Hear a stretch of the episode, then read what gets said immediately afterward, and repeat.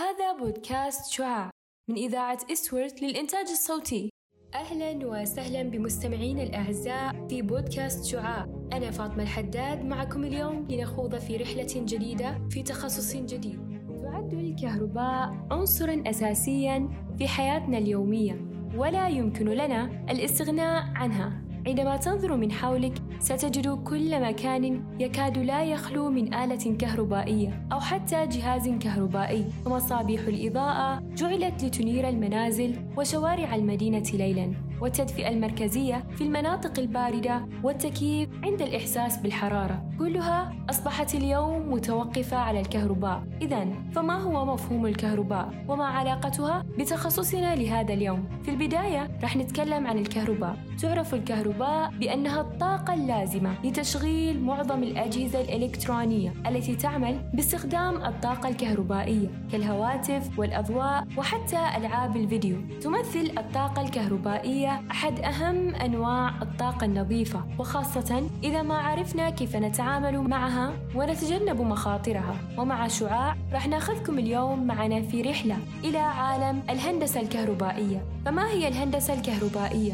هي روح الحياة حيث أنه لا يتم عمل ولا ينجز إلا وتكون هي العلم المضيء الذي من خلاله يتم وينجز المشروع فيها بكل يسر وسهولة واحترافية ودقة. تعرف الهندسة الكهربائية على أنها فرع من فروع الهندسة المعنية بالتطبيق العملي للكهرباء بكافة أشكالها، بما في ذلك التطبيقات الإلكترونية، حيث تتعامل الهندسة الكهربائية مع أجهزة وأنظمة الطاقة الكهربائية والضوئية، وتقوم على تصميم وتطوير الآلات والمعدات الكهربائية وأنظمة التحكم الكهربائية الجديدة، بالإضافة إلى حل المشاكل واختبار المعدات. وأساس هذه الهندسة هو إنتاج وتوزيع الطاقة الكهربائية على نطاق كبير وواسع حيث يتم ذلك من خلال تطبيق عدد من المجالات العلمية.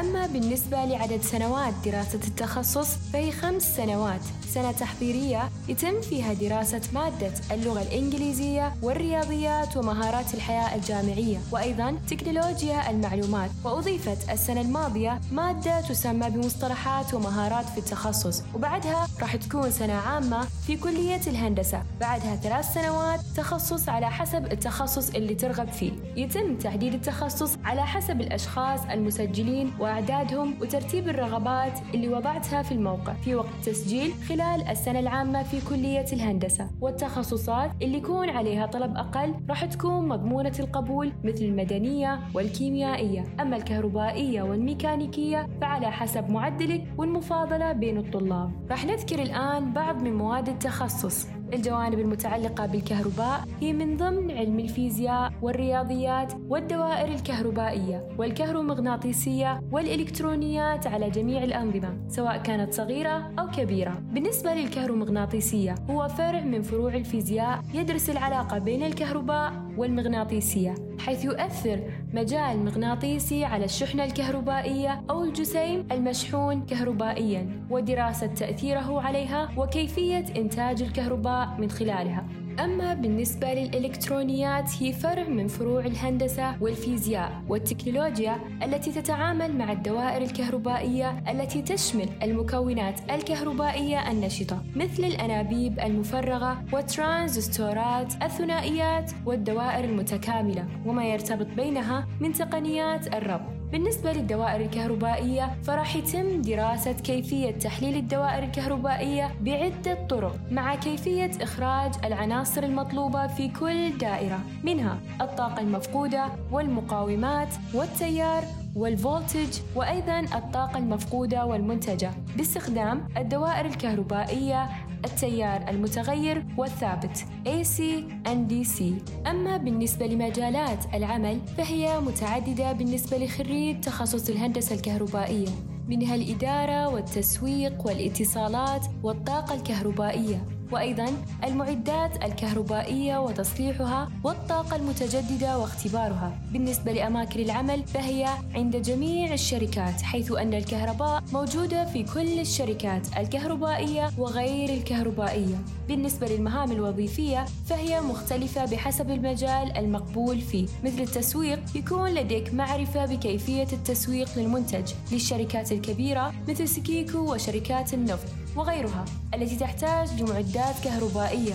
هنا تقوم بطرح المميزات للمنتج وجذب الزبون وإبراز فعاليتها لهم. أما الإدارة فتكون في أحد الشركات الهندسية التي تتعامل مع آرامكو وغيرها للتنظيم وإدارة الوقت وإعطاء وقت المشروع وغيرها. بالنسبة للاتصالات تكون من خلال شركات الاتصال مثل STC وموبايلي وغيرها. تسجل مهندس اتصالات مسؤول عن صيانة أبراج الاتصال وإجراء اختبارات الاتصال وغيرها. وتصليح الأعطال والصيانة. الطاقة المتجددة متعلقة بالألواح الشمسية والتربوينات الرياح وإنتاج الطاقة من الشمس وحركة الهواء والماء وغيرهم. والعمل فيها مبني على بناء مشروع وتركيبه وصيانة المعدات ومعرفة فعاليتها وتخزين الكهرباء وتوزيعها.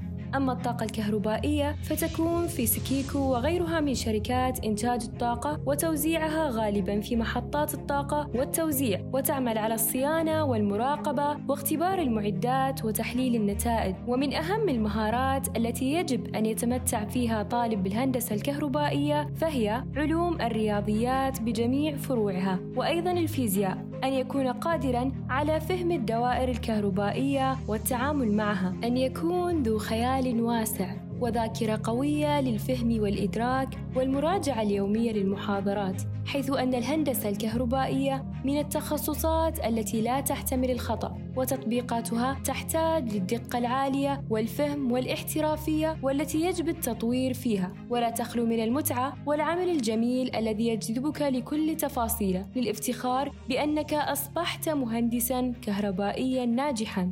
ختاما انظر بشغف للتغيير الإيجابي الذي ستصنعه في مجتمعك. إذ ليس هناك حدود لما يمكنك إنجازه والمستقبل أمامك مشرق والتحدي كبير. كانت معكم فاطمة الحداد من بودكاست شعاع.